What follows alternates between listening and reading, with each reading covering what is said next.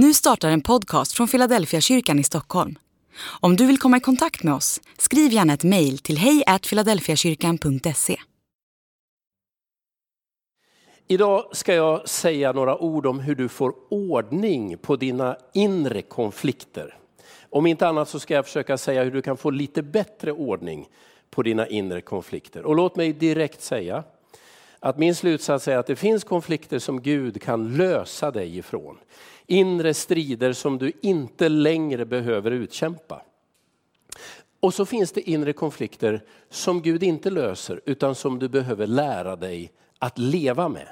Så någonting som Gud löser och någonting som du behöver lära dig att leva med. Följ med mig nu så läser vi ifrån Romarbrevet kapitel 12, vers 1 och vers 2. Därför ber jag er bröder, vid Guds barmhärtighet, att frambära er själva som ett levande och heligt offer som behagar Gud. Det ska vara er andliga gudstjänst. Anpassa er inte efter denna världen, utan låt er förvandlas genom förnyelsen av era tankar, så att ni kan avgöra vad som är Guds vilja, det som är gott, behagar honom och är fullkomligt. Idag säger egentligen hela våran kultur att det är genom att titta in i dig själv som du tar reda på vem du egentligen är. Du ska lyssna till ditt hjärta. Du ska förverkliga dig själv. Du ska inventera ditt inre och försöka kartlägga de drömmar som finns där. Och det är genom att förverkliga det du ser i ditt eget inre som du blir den du egentligen ska vara. Det finns ju väldigt mycket av det här sättet att tänka som faktiskt har sina rötter i evangeliet. Jesus betonar gång på gång hur varje människa är myndig att fatta beslut i sitt eget liv. Ingen annan kan tvinga dig till någonting som du inte vill. Den kristna tron har bemyndigat människor att ta beslut även om det bryter med det familjen i övrigt önskar av dig. Men på en punkt skiljer sig kristen tro ifrån vår tids individualism. Jag tänker att vi alla är individualister. Jag, jag är ju fullt övertygad om att ingen ska in i ett äktenskap man inte själv väljer. Och ingen ska tvingas till en utbildning eller ett yrke som man faktiskt inte vill. Man har rätt att göra om och göra rätt, att ändra sig. Men på en punkt skiljer sig den kristna tron från vår tids inåtblickande. Det kristen tro säger det är att du kommer aldrig landa i din egen identitet genom att bara titta in i ditt eget inre. Nej, kristen tro säger att för att rota dig, hitta dig själv, så behöver du bottna din identitet i Gud själv. Det vill säga att lyssna till sitt hjärta och bara göra det är en, ett vanskligt råd. Men om man, om man ska försöka analysera det här, vad är det som gör då att våra, vårat inre är en kompass som ibland pekar i helt fel riktning? Jag ska bara ge dig två skäl till detta.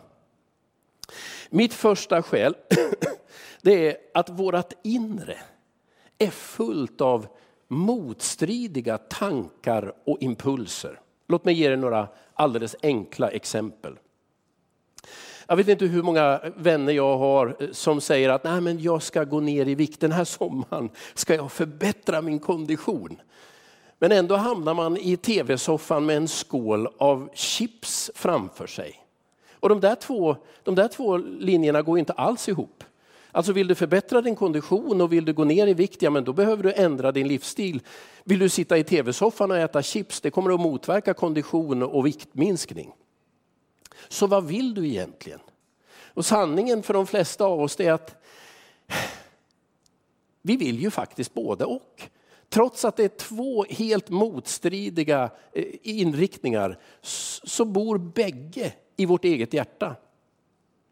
Eller alla som med stor vånda ser vad som händer med vårt klimat. Och, och flera av oss tänker gång på gång, nej men vi måste göra kännbara förändringar, det här går inte. Larmrapport efter larmrapport kommer kring klimatförändringar. Och ändå sätter vi oss i en dieselbil när vi åker till kyrkan eller vidare någon annanstans på semester. Vad är konsekvensen? Nej, men sanningen är att vårt inre består inte av en uppsättning välorganiserade och, strukturerade önskningar som pekar i samma riktning. Tvärtom verkar det som att, att vi är fulla av motstridiga och konkurrerande känslor och tankar. Eller alla som tänker att, att man kan inte bara leva för sig själv. Vi borde göra mer för de fattiga och de utsatta. Och nästa dag köper man otroligt dyra byxor eller bokar en resa, en dyr semesterresa. Ja, men det går inte ihop. Låt mig säga det igen. När vi säger att det är genom att lyssna till vårt eget hjärta, genom att bara blicka in i vårt eget inre, genom att försöka hitta vårt eget dröm, våra egna drömmar, det är så vi kan förverkliga oss själva så är nog erfarenheten för de allra flesta av oss att vi är fulla av motstridiga impulser. Vi kan vilja två saker som står i direkt konflikt med varandra. Vi är inte en uppsättning logiska, välordnade och tydligt strukturerade tankar och känslor som leder i en bestämd riktning. Nej, många av oss är ju snarare konstruerade så att om vi bara skulle lyssna till vårt eget hjärta, då leder det till en härdsmälta.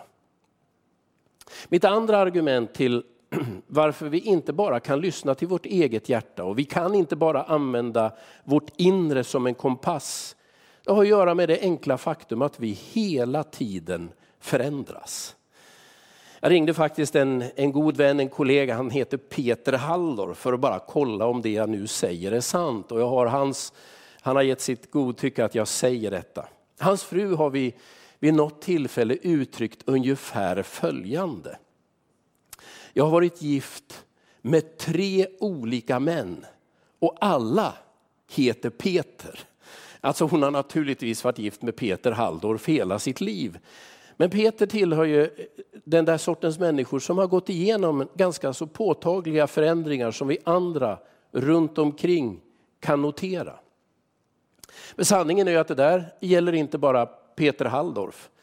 Det räcker att jag tänker på mig själv och min egen historia. Om du backar bandet, den 15-åriga Niklas Pienso, vad tänkte han, vad ville han och vad satsade han på?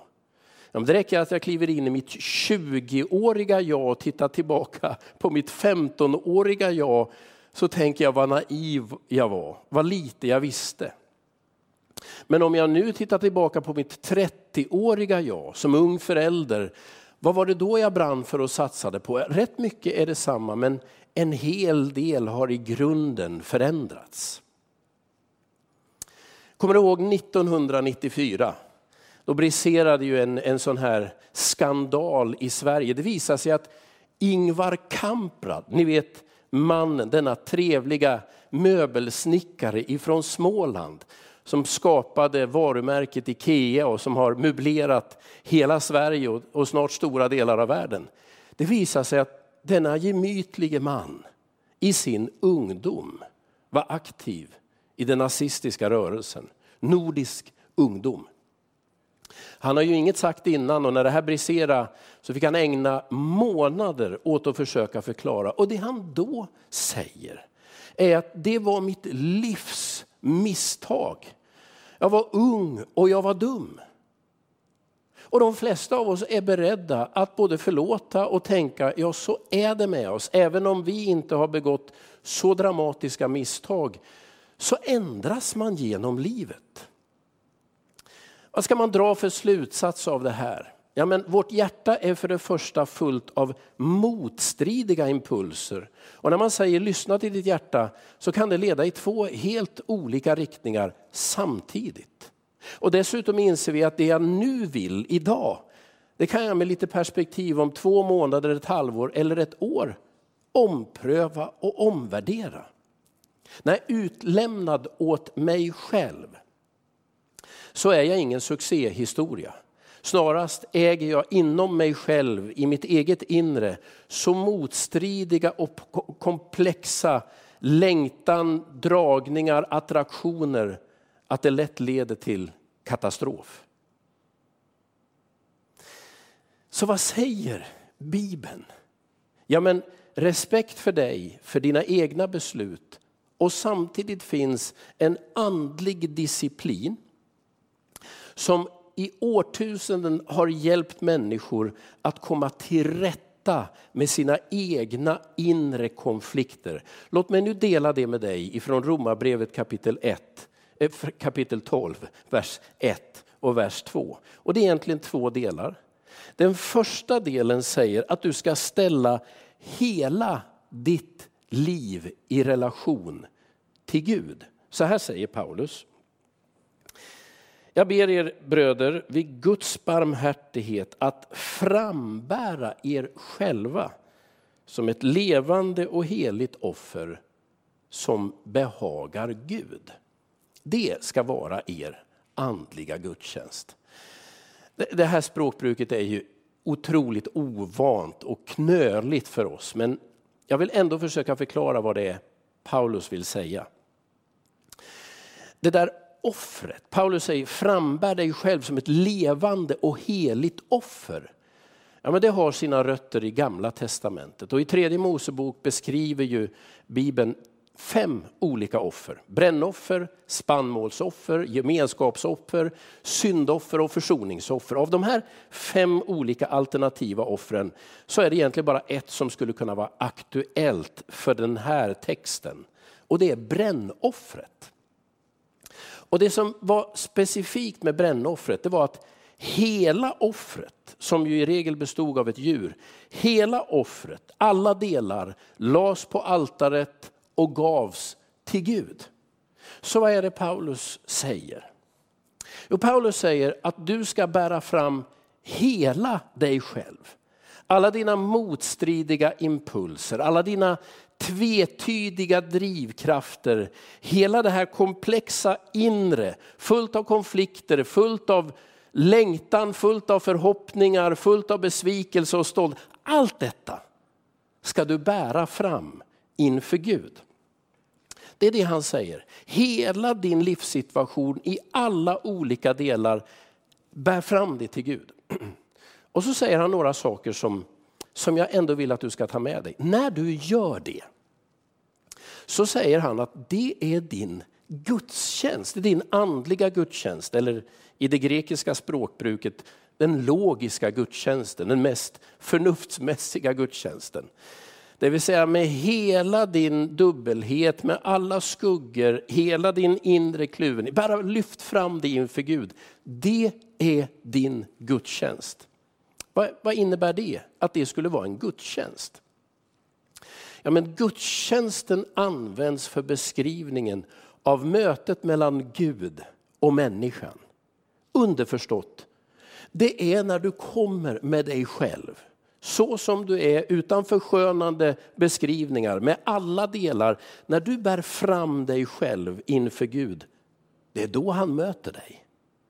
Det ligger någonting oerhört läkande och försonande. Paulus säger inte att det finns vissa delar av dig själv som du ska bära fram inför Gud och andra delar bör du hålla undan. Nej, hela paketet, hela du med allt vad du bär i dig, lyft fram det inför Gud. Det är din gudstjänst, det vill säga där möter Gud själv dig. vad händer då? Och då säger han detta är ett heligt offer som behagar Gud. Om du är som jag så känner du möjligen ibland att inte helt bekvämt med alla de här dunkla tankarna som finns i mig emellanåt. Alla de här motstridiga känslorna. En del av det jag vet är direkt fel och emot Guds vilja. Ska jag lyfta fram det inför Gud? Ja, säger Paulus, då kommer Gud möta dig och dessutom säger han, det behagar Gud. Det vill säga när du lyfter fram dig själv utan förskönande omskrivningar så finns ett Guds välbehag över dig. Och få saker kan vara så befriande som att inse att jag som jag är, med alla de här olika delarna av min person, när jag kommer med det inför Gud i sin helhet, då möter han mig. Men dessutom uttalar han sitt välbehag, inte för att alla delar stämmer, utan för att jag lyfter fram det inför honom. Och så säger Bibeln, det här blir heligt. Ett heligt offer. Det vill säga någonting av det som har med Guds eget väsen, Guds egen helhet, Guds egen godhet börjar sakta men säkert sippra in i mitt liv. Alltså första rådet för att få ordning på dina inre konflikter det är bär fram hela dig själv inför Gud. Andra delen. Lyft fram dina tankar inför Gud. Så här säger Paulus. Anpassa er inte efter denna världen utan låt er förvandlas genom förnyelsen av era tankar. Så att ni kan avgöra vad som är Guds vilja. Det som är gott behagar honom och är fullkomligt. Det vill säga det verkar som att den an, det andra rådet har att göra med din tankevärld. Låt nu Gud också influera ditt sätt att tänka. Känslorna som vi har, de kan man i regel inte styra. Men tankarna kan man med viss möda påverka. Vi består ju av tankar, känslor och vilja. Och det Paulus säger är att om du låter din tanke på något sätt influeras av Gud så kommer det över tid att också styra vad du känner och på sikt också påverka vilka beslut du tar. Men det börjar här. Och när man i Nya Testamentet försöker analysera vad kommer våra inre konflikter ifrån? Vad är det som gör att det är så motstridigt i vårt inre? Så verkar det som att det egentligen är två orsaker. Det ena kallar man för anklagelser och det andra för frestelser. Anklagelsen bygger på att vi tänker för lite om oss själva. Anklagelsen kommer ur en känsla av att jag kommer aldrig räcka till. Och när jag gjort mitt yttersta så duger det inte. Och det är alltid något fel på mig. Det är alltid något som inte är som det ska. En, en ständig anklagande röst ligger där. Den andra frestelsen den bygger på att vi möjligen tänker för mycket om oss själva. Jag borde stått först i kön. Fler borde insett mitt geni. Jag är faktiskt bättre än de andra på jobbet. En sorts övertro på en själv. De här två, anklagelsen som en ständig undertro och frestelsen som en ständig övertro. Ur de här bägge källorna kommer de ständiga konflikterna i vårt inre. Och djupast sett har de här rottrådar mot den som Bibeln beskriver som människans svurne fiende, djävulen. Som ibland beskrivs som åklagaren och ibland beskrivs som frestaren. Så hur kan jag förnyas i min tanke så att jag på något sätt kommer till rätta med mina anklagelser och med mina frestelser? Mitt svar är följande. Anklagelsen kommer ur ett ständigt underskott. Du tror för lite om dig själv. Låt mig säga direkt, det kan evangeliet läka ditt hjärta ifrån.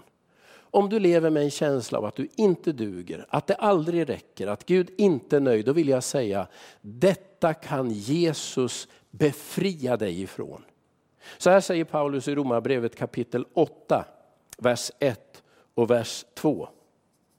Nu blir det alltså ingen fällande dom för dem som tillhör Kristus Jesus. Ty den andliga lag som gäller för livet i Kristus Jesus har gjort mig fri ifrån syndens och dödens lag. Vad är det Paulus vill säga? Jo, men det Gud har gjort för dig i Jesus, det säger att det finns ingen anklagelse kvar emot dig. Och om Gud sätter dig fri, då kan du också sätta dig själv fri. Det där kanske inte ditt hjärta uppfattar, dina känslor tar emot. Men din tanke kan steg för steg uppfatta detta. Och så säger Paulus, låt dig förvandlas genom förnyelsen av din tanke. Du är fri, det blir ingen fällande dom. Så den som lever med självförberåelser, anklagelser och ett ständigt underskott, det jag vill säga till dig, den konflikten vill Gud lösa dig ifrån. Det blir ingen fällande dom. Men den andra sidan, frestelsen. den kommer du nog aldrig att bli löst ifrån. Den där känslan av att jag borde haft mer. Gud har inte riktigt sett vad jag behöver och gett mig vad jag vill ha. Detta att vilja ha mer och mer och mer. Den drivkraften verkar inte evangeliet lösa oss ifrån. Tvärtom verkar Bibeln säga, det får du leva med. Och låt mig nu till sist bara referera till Herrens bön. Vad är det Jesus lär sina lärjungar att be? Jo, han säger, utsätt oss inte för prövning, eller i den gamla översättningen, utsätt mig inte för frestelse, utan rädda mig ifrån det onda. Det vill säga du som vet att du hela tiden arbetar med frestelse. Det finns en tydlig väg Bibeln pekar ut att du ska gå. Och det är bönens väg. När du hela tiden känner att det drar i dig, jag skulle ha mer, jag vill ha något annat, jag är inte nöjd med det jag har. Vad gör man då? Jo, då gör man som Jesus lärde sina lärjungar. Då ber man. Rädda mig från det onda. Låt inte detta vinna. Befria mig ifrån frestelsen. Anklagelser och frestelser, ur de två olika drivkrafterna kommer våra inre konflikter. Anklagelsen bygger på att jag aldrig tror att jag räcker. Det kan evangeliet bota dig ifrån. Frestelsen kommer från att jag inte tycker att jag har fått nog. Det löser inte evangeliet dig ifrån, men den pekar ut bönens väg att gå för att kunna leva igenom de här frestelserna. Var med mig nu så ber vi tillsammans. Herre Jesus Kristus, tack för att du kan hjälpa oss att få en bättre ordning i vårt inre. Och den här dagen ber jag dig för den som kämpar med frestelsen. Hjälp honom och henne att landa i vissheten att allt jag behöver har jag i dig. Och låt en tillfredsställelse och en glädje i hjärtat växa ur det. Och så vet du alla de som lyssnar som lever med ständig självförberåelse, en känsla av att det aldrig räcker och jag aldrig duger. Nu ber jag dig Jesus, lös ifrån den konflikten. Låt din kärlek välla in över dem som behöver det. Och låt dem idag få höra i djupet av sitt hjärta, det blir ingen fällande dom. Tack för att du hjälper oss att leva med vissa konflikter och för att du löser oss ifrån andra. I Jesu namn. Amen.